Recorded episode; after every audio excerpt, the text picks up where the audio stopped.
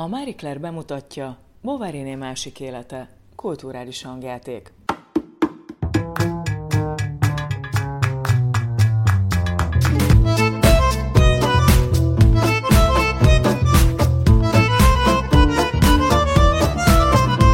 Sziasztok, ez itt a Marie Claire podcastja. Hogy miért az a címe, hogy Bovariné másik élete? Emlékeztek Emma Bovarira, Gustave Flaubert főhősnőjére? Ő volt az, aki boldogtalan, vagy annak hitt élete miatt megmérgezte magát. Nos, megpróbálunk neki elképzelni egy másik világot. Egy olyan életet, amelyben ott hagyhatta a poros francia kisvárost, és elutazhatott. Mondjuk egyenesen ide hozzánk, Kelet-Európa Párizsába. Ma milyen zenét hallgatna, mit enne, mit olvasna, mit nézne meg színházban, moziban vagy operában, miről beszélgetne, milyen kiállításokat látogatna, hogyan csinosítaná magát egy francia nő Budapesten.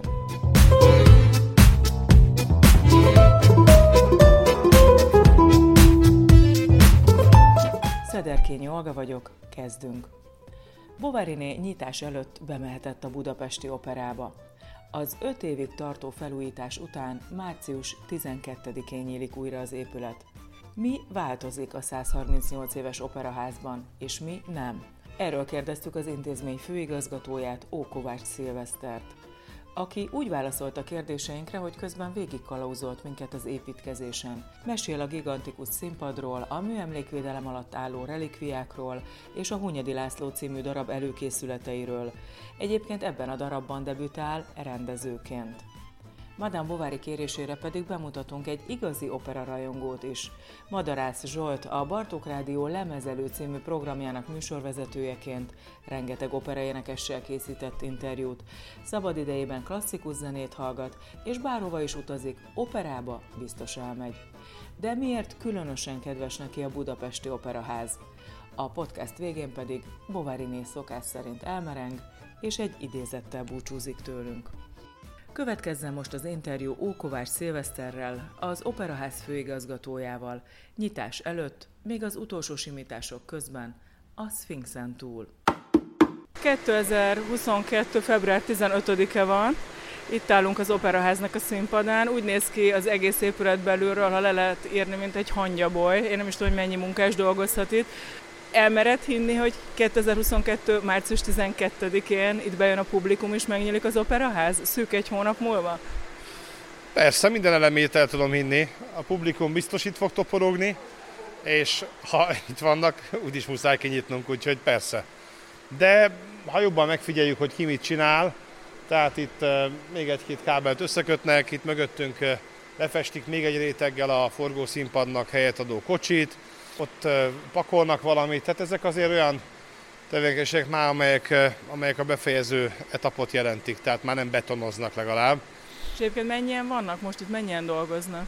Nehéz megmondani, mert ugye a kivitelező cég csoport az, az ilyen értelemben nincs hozzánk bekötve, de, de amikor én kérdezem, akkor 500 és 1000 közötti számot mondanak. Végigjöttünk most a kollégáddal a főlépcsőházon, ott látszott, hogy már ragyognak az aranyozások, a festmények teljes életvidám oldalukat mutatják, a márványoszlopok tényleg valóban francia pirosak és sziennai sárgák, de ez nyilván egy amatőrnek a hozzáállása. Mi az, amit egy profi láthat itt, hogyha bejön? Építészként én is amatőr vagyok. Úgy indultunk neki az egész dolognak, hogy 15-ben még, hogy az operának leginkább technológiailag kell megújulnia.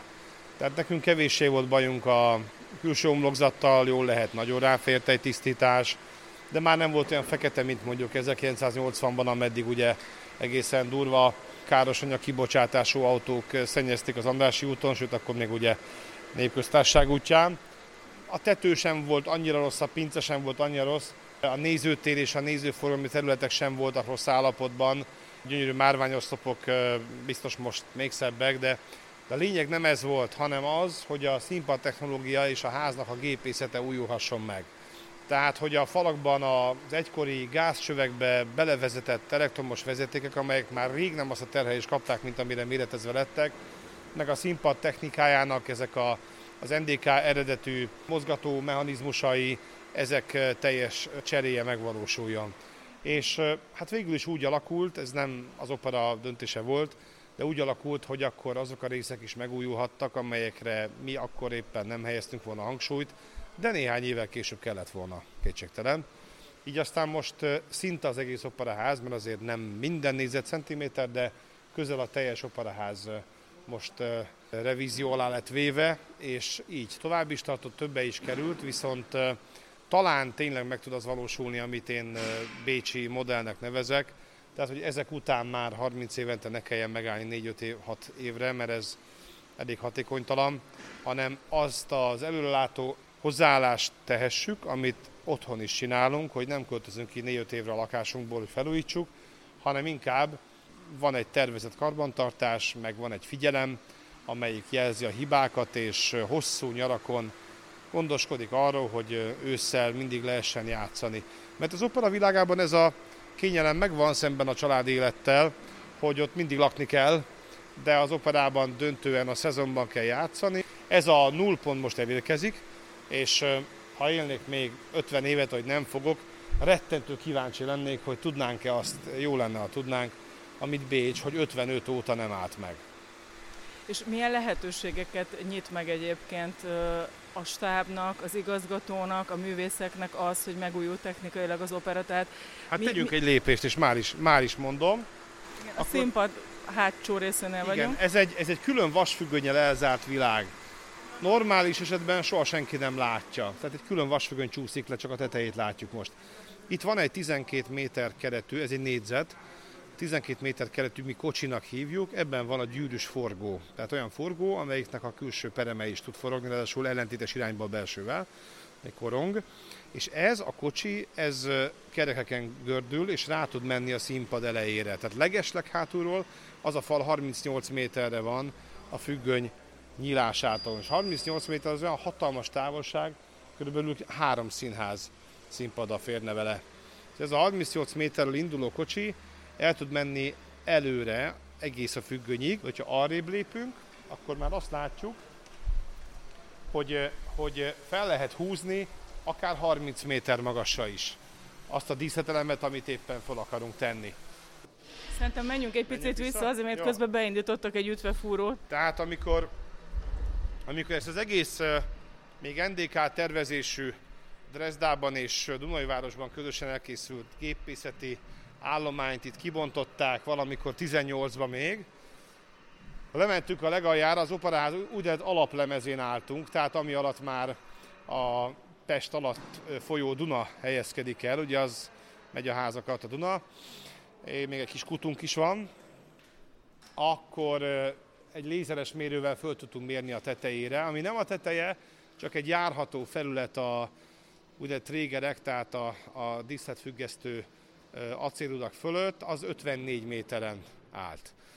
Ahogyan szokták mondani, szoktuk is, így is igaz, a köbméter számot tekintve a teljes végszínház az operaház színpadán.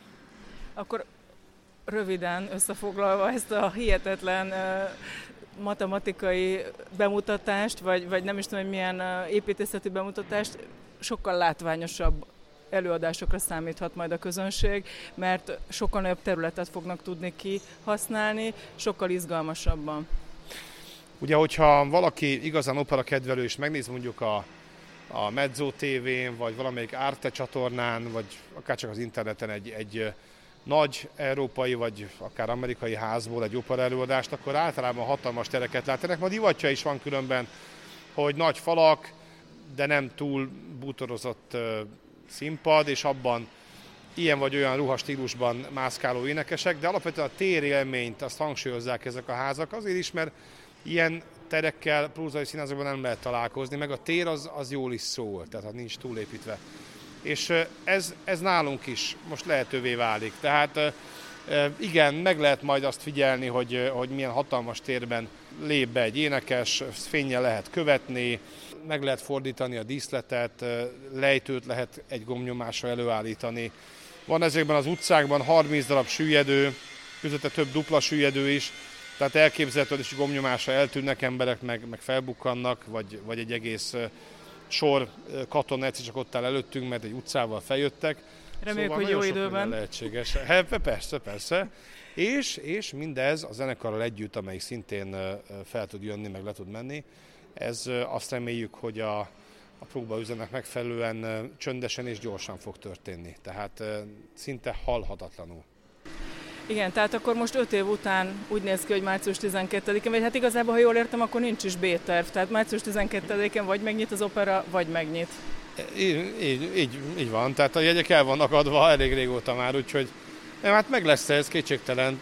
Az a, az a kérdés, hogy alszunk-e addig. Nem, nem biztos. Hát igen, ugye azért sem, mert hogyha ez nem lenne elég idegbaj, ezt az egészet nyilván valamilyen szinten felügyelni, még arra is vállalkoztál, hogy rendezed az egyik nyitódarabot, a Hunyadi Lászlót, amit március 13-án mutatnak be. Miért pont a Hunyadi Lászlóra gondoltál? Ez egy gesztus az ősöknek, vagy valami más miatt? Hát mindenképpen magyar történelmi darabbal illik ezt a történelmi házat fölavatni, újraavatni, és a bánk egyrészt nem olyan régi a bánkunk, mert a Covid előtt alig mutattuk be, és csak néhányszor ment, tehát ez, ez most, ezt lecserélni most nem lett volna érdemes. Másrészt meg a bánkot eddig már többször használtuk ilyen célokra.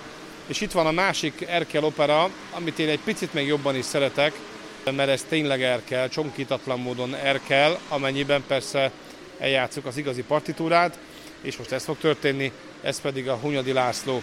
De nem kétszeres hősiesség, amit csinálok egyébként, mert azzal, hogy itt vagyok, ez, ez pont a felügyeletnek a része.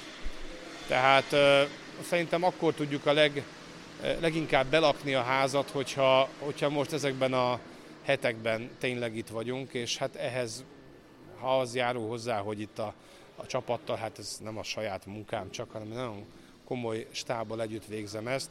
Én közben sokat tanulok, megfizetem a tanulópénzt ezzel a rendezéssel, másfelől viszont pontosan látni fogjuk, hogy mi hogyan készül, és még tudunk rá hatással is lenni. Tehát így is úgy is itt lennék, akkor már miért ne csinálnám meg. Ráadásul tényleg remélem most önök is érzik, tehát ezt a fajta helyzetet, amit nem lehet úgy leírni, nem lehet olyan dátumokkal, meg mondatokkal leírni, hogy ez pont így lesz, tehát 10 órakor ez meg ez rendelkezésre fog állni.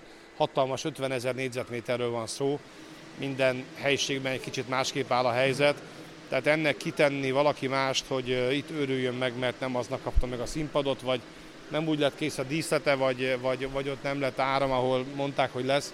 Tehát ezt úgy gondolom, hogy ez, ez az én idegrendszeremnek elfér, külsősöket pedig a következő hónaptól fogunk szívesen várni. Át, átadod a stafétát, igen, meg az is lehet, hogy még egy picit spanolnám, hogy van ez a feszültség, és akkor ez lehet, hogy egy inspiráló alkotói erő lehet. Hát az biztos, ez egy révült állapot valójában, tehát lassan három hete próbálunk, tulajdonképpen meg is vagyunk. Tehát amivel egy teremben meg lehet lenni, egy három órás operánál, amiben nagy tömegjelentek is vannak, azzal meg vagyunk, de nagyon jól mutatja magát, hogy jelmezek és díszletek nélkül azért egy előadás csak egy bizonyos fokig próbálható be. Nagyon könnyen a korlátaihoz érünk el, de itt még az az izgalom is megvan, hogy majd nézegetjük az utcákat, hogy jaj, aha, szóval ez fog feljönni. Ne, ne, mennyi ez? Aha, másfél méterre van. Pedig vannak alaprajzaink, de egész egyszerűen olyan régóta nem voltunk a házban.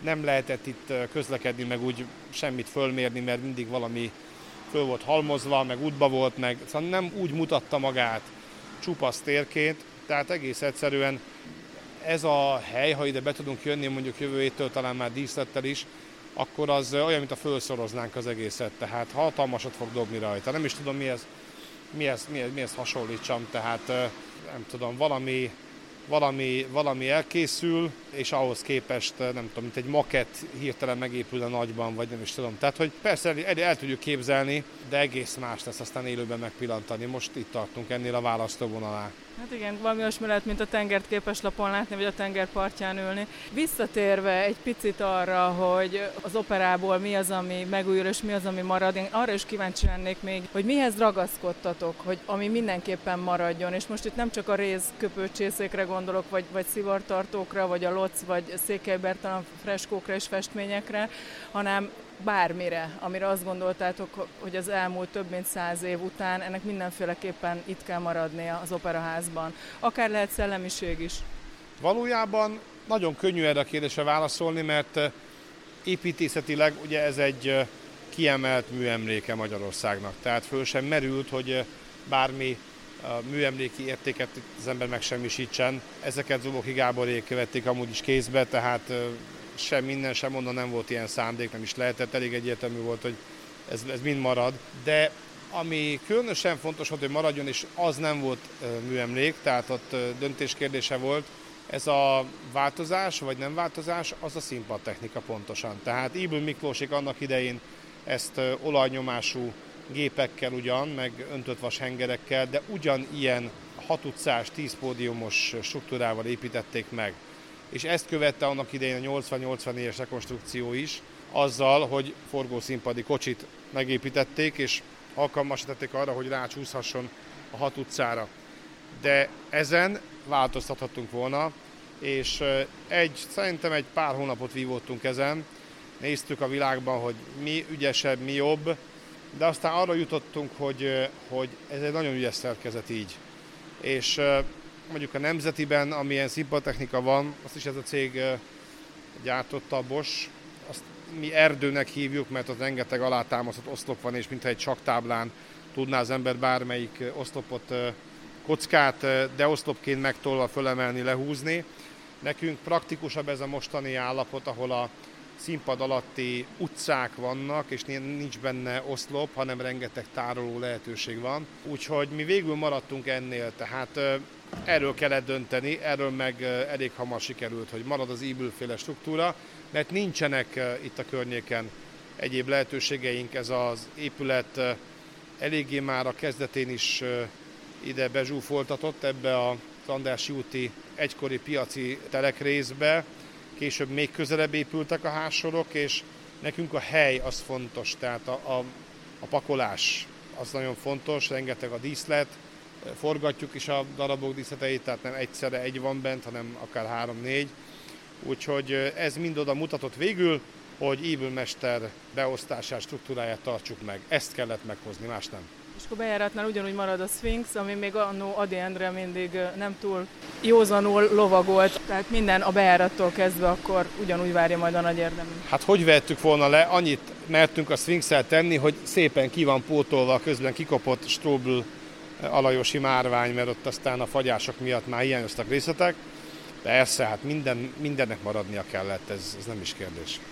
Még egy rövid kérdésem van, ugye ennek a podcastnak az a címe, hogy Bovariné másik életen. Ha Bovariné most itt a megnyitott operába eljöhetne, akkor az újrainduló évadban melyik darabot nézné meg, és miért? Tehát Flaubert vagy Bovariné? Bovariné. Hát Bovariné számára a nyugatlányát ajánlanám. Puccini operált a nyugatlányát. Nem azért, mert esztétikájában egy ilyen kellemes kanapén szendergéshez illene, hanem mert nagyon fölkavaró és érzelmes. Azt egy orosz rendező vitte színre egy pár évvel ezelőtt itt nálunk a Barkhatov, és éppenséggel betoncsövekben játszódik, de fantasztikus előadás. Flaubertnek meg Flaubertnek a Porgit ajánlanám, a Porgi és Best, mert a társasági élet és a művészet filozófia iránt érdeklődő személyek számára remek diskurzus lehet arról elmélkedni, hogy milyen az, amikor ezt a tiltott művet félig legálisan eljátszuk, fehérekkel, de benne egy, egy fekete világsztár fog énekelni, Fityisz mutatva ezzel az ő érte aggódó fehéreknek. Milyen egy opera rajongó? Bemutatjuk. Következik Madarás Zsolt, a Bartók Rádió Lemezelő című programjának műsorvezetője. Először olyan 18-19 éves koromban már Budapesten éltem, akkor láttam egy Koszifán tudta előadást a Budapesti Operaházban, nagyon nagy nevekkel, és nagyon untam. Azt hittem, hogy én el, elriadok ettől a műfajtól, egyáltalán nem fogott meg. Miért lett belőled mégis opera rajongó?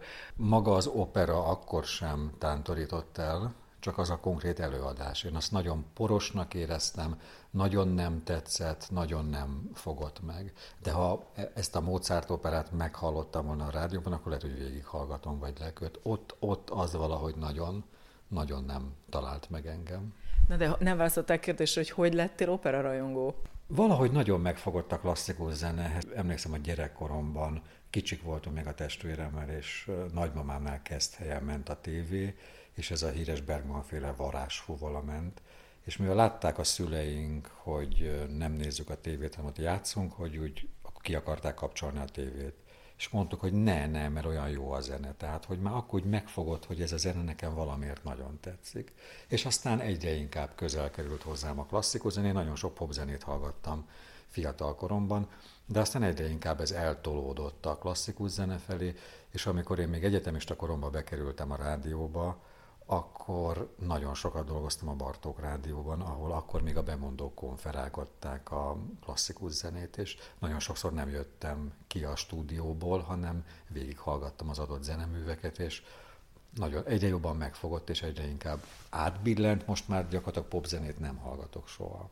Gyerekkorunkban volt egy ilyen reklám, hogy tanulja meg szeretni a tonikot, akkor te is ezt csináltad, hogy megtanultad megszeretni a klasszikus zenét és az operát. Ugye most szó esett erről a budapesti operaélményről, viszont a pandémia előtt azt én tudom, hogy te nagyon sokat utaztál, mondjuk Európa különböző pontjaira, és mindig elmentél operába is, vagy klasszikus zenei koncertet meghallgatni milyen városokban jártál operában? Hát az utazásaimnak egy nagyon nagy százaléka, talán 80 százaléka az két helyre összpontosult. Az egyik London volt, a másik pedig Báska. Báska ugye egy tengerparti üdülőváros, vagy inkább üdülő falu Horvátországban, tehát ott nincs operaház. Viszont én Londonban, hát valahol 50 és 80 között lehet a opera előadások száma, amit én láttam. Tehát az mindig szempont volt. Nagyon nagy London mániám volt egy időben, tehát egy évben mondjuk háromszor kimentem egy ilyen tíz napra, két hétre, és az mindig szempont volt. A Covent Garden műsorát mindig megnéztem, és akkor az, az egy nagyon fontos szempont volt, hogy ott egyrészt a darab is, hogy mit adnak éppen, és hogy kik fognak énekelni. Ott láttam a legtöbb előadást. Nagyon sok európai, tehát minden európai városba, ahova elmentem, ott próbáltam, ha éppen nem nyár volt, és mondjuk nyári szünet, mondjuk Barcelonában így csak egy ilyen operatúra keretében láttam az operaházat, de a Bécsi operától a Berlinin át a Fenice operaház Velencében, tehát nagyon, nagyon sok helyen, Amsterdamban is voltam operában, Prágában, Brünóban. Mik voltak azok az élmények, amik így évek távlatából is megmaradtak? Hát ugye a legtöbb élményem az, az kétségtelen a Covent Gardenhez kötődik. Ott nagyon-nagyon jó rendszer van. Ott az a rendszer, talán még most is, most a pandémia óta valóban nem voltam Londonban, hogy félretesznek egy bizonyos mennyiségű jegyet, amit nem adnak el, hogy aki turista és nem ott él, az is el tudja jutni az operaházba, mert ott ugye a, nagy produkciók azért nagyon hamar elkelnek, a jegyek hiába nagyon drágák és akkor oda kell menni, ha jól emlékszem, kilencre kellett mindig oda menni, és akkor ha aznap reggel oda mentél, akkor ebből a kontingensből tudtál vásárolni. Én mindig oda mentem, mindig sorba álltam, és mindig sikerült bejutnom, tehát nem volt olyan darab, hogy ne jussak be, csak egy darab jegyet lehetett venni, és ennek a legtöbbje a helyeknek állóhely volt. Amit én azért szerettem, egyrészt mert meg tudtam fizetni. Tehát azért, aki a Covent Gardenben mondjuk egy jó helyre akar ülni, annak hát ilyen százezer forint körüli összeget kellene fizetni, nyilván ezt az ember nem tudja kifizetni, viszont ilyen 10 font körüli összegért lehet állójegyet kapni, és ez is nagyon jól meg van szervezve Londonban, nem úgy van, mint például a Bécsi operában, hogy rengeteg álló jegyet eladnak, és akkor ott nem is látsz, nincs egy konkrét helyet, hanem egy benyomulsz egy, egy területre, és ott ugye az a divat, hogy, hogy lefoglalják maguknak az állóhelyet, akkor egy ilyen kendőt kötnek oda, hogy ez most az ő helye.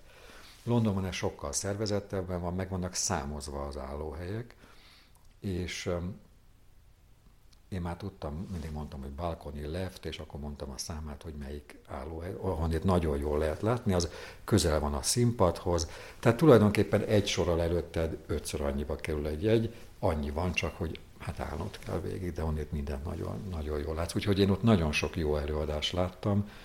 Hát ha egyet kell kiemelnem, ha mindenáron egyet szeretnék. Ilyen világban élünk, hogy mindig mindenből a legjobb kell, és az egy a Bizonyos szempontból azért volt ez a legjobb, mert nagyon sok olyan operát láttam, amit ugye jól ismertem. De a Verdi két Foszkári című operáját egyáltalán nem azt nagyon ritkán mutatják be, és az már csak hab volt a tortán, hogy Placido Domingo is az előadásban szerepelt.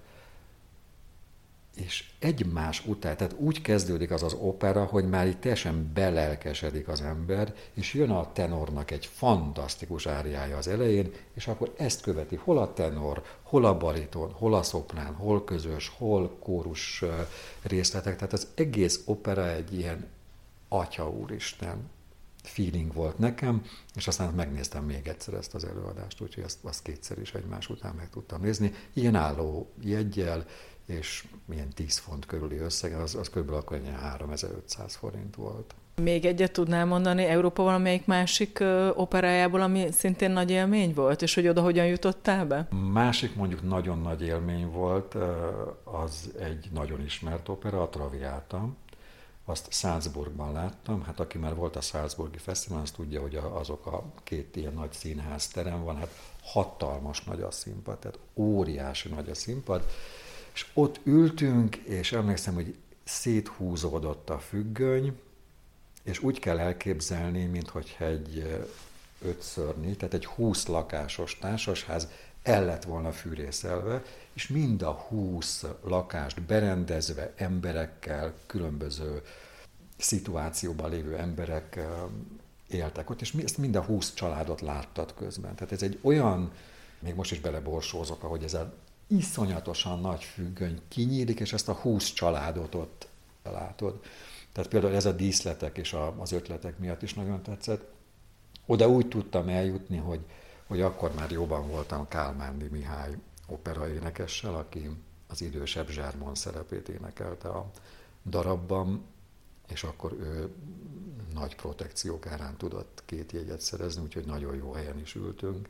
És ez azért is volt emlékezetes, mert ez egy nyolc előadásból álló széria volt, és még egy magyar szereplő volt benne, a Bakonyi Marcell, aki most már sokat énekel Budapesten, őnek egy kisebb szerepe volt, és annyira jó volt látni, hogy az utolsó előadás után az összes énekes, a karmester, mindenki elvonultak egy étterembe, és ott ezt a hosszú, nagy közös munkát ilyen teljesen önfeledten megünnepelték, és oda is hivatalosak voltunk, úgyhogy ez egy ilyen külön élmény, hogy, hogy még így zárhattuk ezt a nagyszerű szériát, és a szereplőkkel ott egy kicsit lehetett együtt lenni. És mi a különbség? Ilyen nagy általános kérdéseket teszek fel, de hát azért, mert ugye már te sokat látott ember vagy ebben az opera világban, hogy a magyar közönségnek, illetve a magyar operának, vagy operaháznak a hozzáállásában és a más európai országok operájának a hozzáállásában, illetve a közönség hozzáállásában mi a különbség? Tehát, hogy például azt mondjuk tudom, a Párizsi Operaházat volt szerencsém látni, előadásra még nem jutottam be, mert ott nem lehet megfizetni egy jegyet, viszont azt tudom, hogy, hogy ott is van a klasszikus opera, illetve van a Bastille opera, tehát ez a klasszikus Gárnyi opera, ahova nem lehet bejutni élő embernek, hogyha nem arra az oldalára született az utcának, illetve nem tudja megfizetni. Ugye te jártál Berlinben, Olaszországban, Nagy-Britanniában, soroltad Ausztriát, és így tovább. A magyaroknak az operába járási szokásai miben mások, és melyik neked a legszimpatikusabb, ahogy hozzá, melyik népnek a hozzáállása tetszik?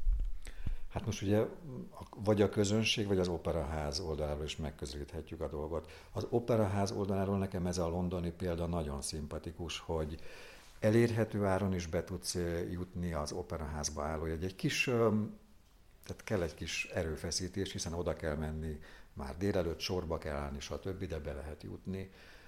A Párizst említetted, onnét is van élményem, a Garnier operában eleve nagyon kevés előadás van, nem tudom miért, ott, ott nagyon-nagyon, tehát oda még én se jutottam be. Viszont a Basti operában egy, nem is tudom hány éve, 5-6 éve láttam például egy Lammer Muri Lucci előadást, ott az volt akkor a szokás, hogy szintén aznap meg lehetett venni 5 euróért álló jegyet.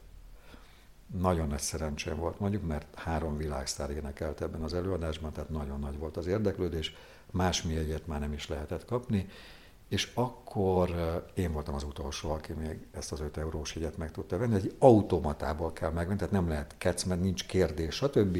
Mész, bedobod az 5 eurót, vagy hozzáérinted az bankkártyádat, és megvan, a, megvan az állójegyed.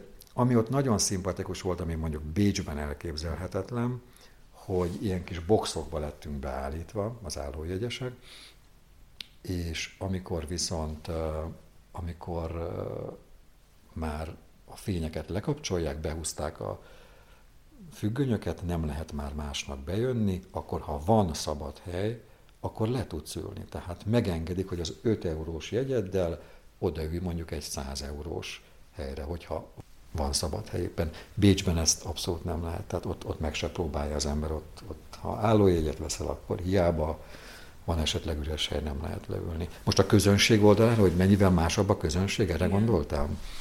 Hát szerintem mindenhol van igazi operában az operát és a műfajt szerető közönség, és mindenhol van, ez Budapesten is van egy ilyen réteg szerintem, aki inkább mint társadalmi presztízs, a legújabb bundáját és ruháját megmutató közönség, és most eh, ugye a rövidesen megnyíló operaház jegyeinek árát megnéztem, és hát szerintem megint lesz egy ilyen közönség, aki ki tudja ezt a nagyon drága pénzt fizetni, estély ruhában fog menni, de lehet, hogy unatkozni fog az előadás alatt, és um, igazából csak az volt neki a lényeg, hogy kimozduljanak és egy gyönyörű épületben eltöltsenek egy estét. Ezért lenne nagyon fontos szerintem, hogy mindenhol legyen arra lehetőség, hogy megfizethető pénzért is tudjál minőséget nézni, még olyan helyről, ahonnét azért jól látsz és hallod is a, az előadást. Miben különleges a budapesti opera? Hát a budapesti operaház szerintem, és talán ez nem, nem egy ilyen elfogultság, a világ legszebb operaháza. Én a Gárnyébe nem tudtam még bejutni, azt mondják, hogy az a másik, másik ennyire szép operaház. Emlékszem, amikor a New Yorki Metropolitan nagy sztárja, René Fleming itt volt először Budapesten, és mindig azt éreztem rajta, hogy a, a Metropolitan Operaház egy hatalmas operaház, de hát szépnek nem mondanám. És amikor René Fleming elénekelt egy áriát, ugye ez egy áriaest volt, és így meghajolt, én minden meghajlása után azt láttam, hogy így körbenéz, és így nem hiszi el, hogy hol van, hogy Atya úristen, de gyönyörű helyen énekelek. Hát ugye ez a Budapesti Operaház építés, és pont az a jó méret, tehát szerintem, hogy, hogy tényleg még a harmadik emelet sincs anya, hogy ha valaki fölmegy a londoni Covent Gardenben a Apple Circle-nek nevezett legfelső szintre, hát onnét már gyakorlatilag a tériszonyosok nagyon rossz helyzetben vannak, és ekkorának egy miniatűrnek látja az ember a szereplőket. Tehát, hogy itt ez, ez szerintem pont ideális méretű is, és hát gyönyörű, gyönyörű szép. Bartók Rádióban rengeteg operénekessel is készítettél interjút, hogyha most bárkivel készíthetnél interjút az opera világából, akkor van-e ötleted? Bármilyen nyelven ott lenne melletted, ha kell tolmács, segítő, bármi, a világ bármely pontjáról érkezhet az énekes. Ki lenne az, vagy kik lennének most itt, akkor ne hagyatkozzunk erre, hogy a az interjú alany, hanem lehetnének akár interjú alanyok is, akikre kíváncsi vagy, vagy az életútjára, vagy a művészi hozzáállására, vagy a teljesítménye miatt annyira izgalmasak ők, hogy beszélgetnél velük egy picit. Ugye azt az ember soha nem tudja előre, hogy egy operaénekes milyen a magánéletben. Akivel az embernek van módja találkozni, és utána esetleg egy pár szót beszélni is, ilyenre már azért sok példa volt nekem, ez Placido Domingótól, Cecilia Bártólig terjed, akkor ott már egy pár mondatból is az ember le tudja szűrni, hogy igazából kíváncsi vagyok-e az, az illetőre, vagy sem. Mert azt szerintem én sok színésszel is készítettem interjút, és én nagyon nem szeretem, hogyha valaki színésznő a mindennapi kommunikáción és az életben is. És erre természetesen most nem fogok példát mondani, de nagyon nagy színészeink, színésznőink vannak, akik teljesen természetesek a magánéletben, és van, aki mint egy szerepet játszana az interjú. De ha egy valakit szeretné, hogy emeljek ki, nehéz dolgom van, de most azért mégis mondok valakit. Natalie Dösszének hívják, egy francia opera énekesnő. Most már talán abba is hagyta az éneklést, operát már biztos, hogy nem énekel. Ő nem csak a hangja gyönyörű és csodálatos, hanem egyszerűen, hogyha egy ária estet ad, akkor is egy színház jelenik meg. Ott áll egy szál maga, ugye zenekarral a háttérben, de semmi dísztet, semmi jelmez, és mégis olyan kifejező az arc kifejezése, az egész átéltsége, hogy Például vele nagyon szívesen beszélgetnék. Volt vele alkalmam találkozni, én azt szeretem ilyenkor, hogy megvárom, hogy az utolsó legyek. Tehát amikor ilyen dedikálásra vagy bármire lehetőség van, én szeretek az utolsó lenni. És akkor ugye addigra persze már nagyon elfárad az illető, és már nyilván menne haza. Egy operaénekes barátnőmmel voltam, és akkor mondtam, hogy akkor most eldöntjük, hogy akkor vagy nem kérünk autogramot, vagy ezt a másfél órát megvárjuk, amíg, eh, amíg lemegy a és megvártuk, és nagyon nem bántam meg, és nagyon-nagyon kedves volt. De ő egy nagyon érdekes eh, ember is lehet vele, vele, azt hiszem, hogy vele beszélgetnék most legszívesebben. Milyen jó, hogy franciát mondtam, mert jön az utolsó kérdés, hogyha Bovariné a megnyíló operaházba elmenne, vagy hogyha azt gondolod, hogy nem a budapesti operába küldenéd őt, mert most megvan ez a lehetőséged, álmodozunk, bárhova lehet őt küldeni, akkor melyik operát javasolnád neki? Hát itt most viszonylag könnyű dolgom van. Mondjuk kicsit nehezen tudom nyilván beleélni magam az 1830-as években élt francia hölgy személyébe, személyiségébe. De épp ez az, hogy nem ő föltámad, megadjuk neki a lehetőséget, hogy újra kezdje, és ne roncsa el a dolgokat, hanem hogy most újraélheti az életét, újjászületett, és akkor mit nézne meg? Azért tudok könnyen válaszolni erre, mert nyilván az ember olyasmit ajánl, ami rá nagyon nagy hatással volt, vagy ami, ami így mindent felülír. És hát azért olyan volt már, hogy egy operát én különböző rendezésekben, vagy különböző országokban láttam, akár három, négy, öt alkalommal is. De olyanra nem volt még például, hogy 20 alkalommal megnézzek egy operát. Mert ezt a számot még egyszer mondjuk el. Igen, ez kereken 20, Eh, és ez Arrigo Boito Mefistofele című operája, ami a Budapesti Operaházban nagyon-nagyon imádkoztam, hogy ez visszakerüljön a programba, és vissza is került, úgyhogy tavasszal lesz is Mefistofele. Kovarik Balázs elsőprő rendezése, és eh, hát eh, tényleg már olyan ez az előadás, hogy viszonylag hosszú, van egy 20 perces prológ, és annak egy olyan, mondjuk így fináléja van, ha ez értelmezhető egy prológ esetében, hogy már ott tombol a közönség. Tehát Bovárinél szerintem nagyon élvezni ezt az előadást, és remélem, hogy majd a nézők is, akik meg fogják nézni, ha esetleg nem ismerik. Búcsúzóul következzen egy idézet, amelyet Madame Bovary választott nektek. Ezúttal Enrico Caruso-tól, az egykori legendás operaénekestől. A franciák arra születtek, hogy operát írjanak, az olaszok arra, hogy elénekeljék, a németek arra, hogy eljátszák, az angolok arra, hogy hallgassák, az amerikaiak pedig arra, hogy megfizessék. Ennyi. Köszönjük a figyelmeteket, találkozzunk pár hét múlva, március utolsó csütörtökén, a Bováriné másik életek következő epizódjában. Megtaláltok minket a mariclair.hu-n, a Spotify-on és az Apple Podcast felületén is. Mi itt leszünk, várunk titeket máskor is. Au revoir!